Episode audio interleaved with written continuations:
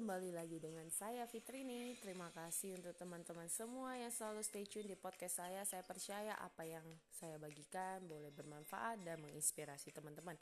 Nah, teman-teman, hari ini di hari yang baru pastinya tentunya kita punya semangat baru, kita punya uh, ide-ide baru pastinya ya dan selalu ingat uh, untuk stay safe stay healthy di kondisi pandemik seperti ini.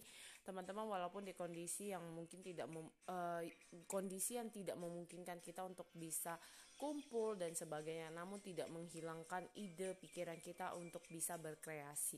Nah teman-teman hari ini kita mau bahas adalah tentang bagaimana sih cara kita bisa mengontrol emosi kita. Pernahkah teman-teman di saat kita gampang banget terbawa emosi. Jujur, kadang saya pribadi adalah tipikal orang yang tidak sabarannya melakukan sesuatu itu disiplin dan on time.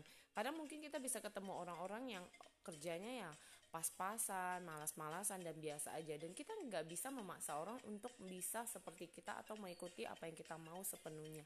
Nah, bahas tentang emosi, sebenarnya emosi itu pasti muncul kan kadang orang be berkata seperti ini ya sikap saya emang gitu tukang marah dan sebagainya. Teman-teman balik lagi sebenarnya ke diri kita.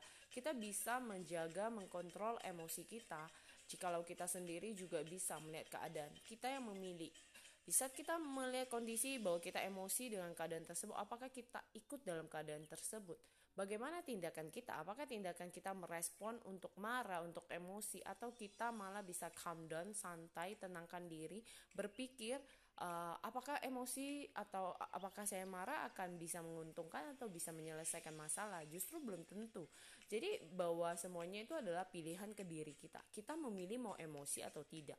Nah makanya di saat kadang mungkin sebagai orang tua pasti kita kadang terpancing ya untuk emosi di saat kita lihat anak-anak kita kelakuan mereka yang mungkin kadang nyebelin bikin kita uh, tahan ingin marah tapi pengen lakuin sesuatu sampai kadang mungkin akhirnya orang tua lepas karena melakukan dengan tindakan main pukul, main tangan dan sebagainya. Sebenarnya buat para parents atau teman-teman dalam mengontrol emosi ini penting dalam diri kita sendiri, bukan menyalahkan keadaannya, bukan kita yang ikut dalam keadaan, justru bagaimana diri kita, pikiran kita, emosi kita bisa uh, ini ya meresponnya.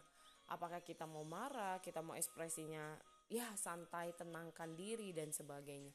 Jadi buat para parents ini mungkin pembelajaran yang juga saya dapatkan. Saya belajar juga uh, dari seorang coach yang juga beliau adalah seorang NLP gitu ya neuro linguistic program. Jadi di situ benar-benar mengajari bahwa sebenarnya itu bisa dikontrol. Makanya kenapa kita lihat ada orang yang kehidupannya happy happy aja walaupun punya masalah yang nggak terbawa beban tidak stress out atau apa pun. Justru mereka bisa mengatur diri mereka mengontrol keadaannya bagi mereka mereka harus marah kah atau mereka nyantai aja mereka bisa cari solusi dan sebagainya. Jadi buat para parents atau buat teman-teman hati-hati dalam mengkontrol emosi karena penting sekali dari diri kita sendiri bukan dalam keadaan atau kondisi yang ada di sekitar kita. Jadi semoga bermanfaat teman-teman.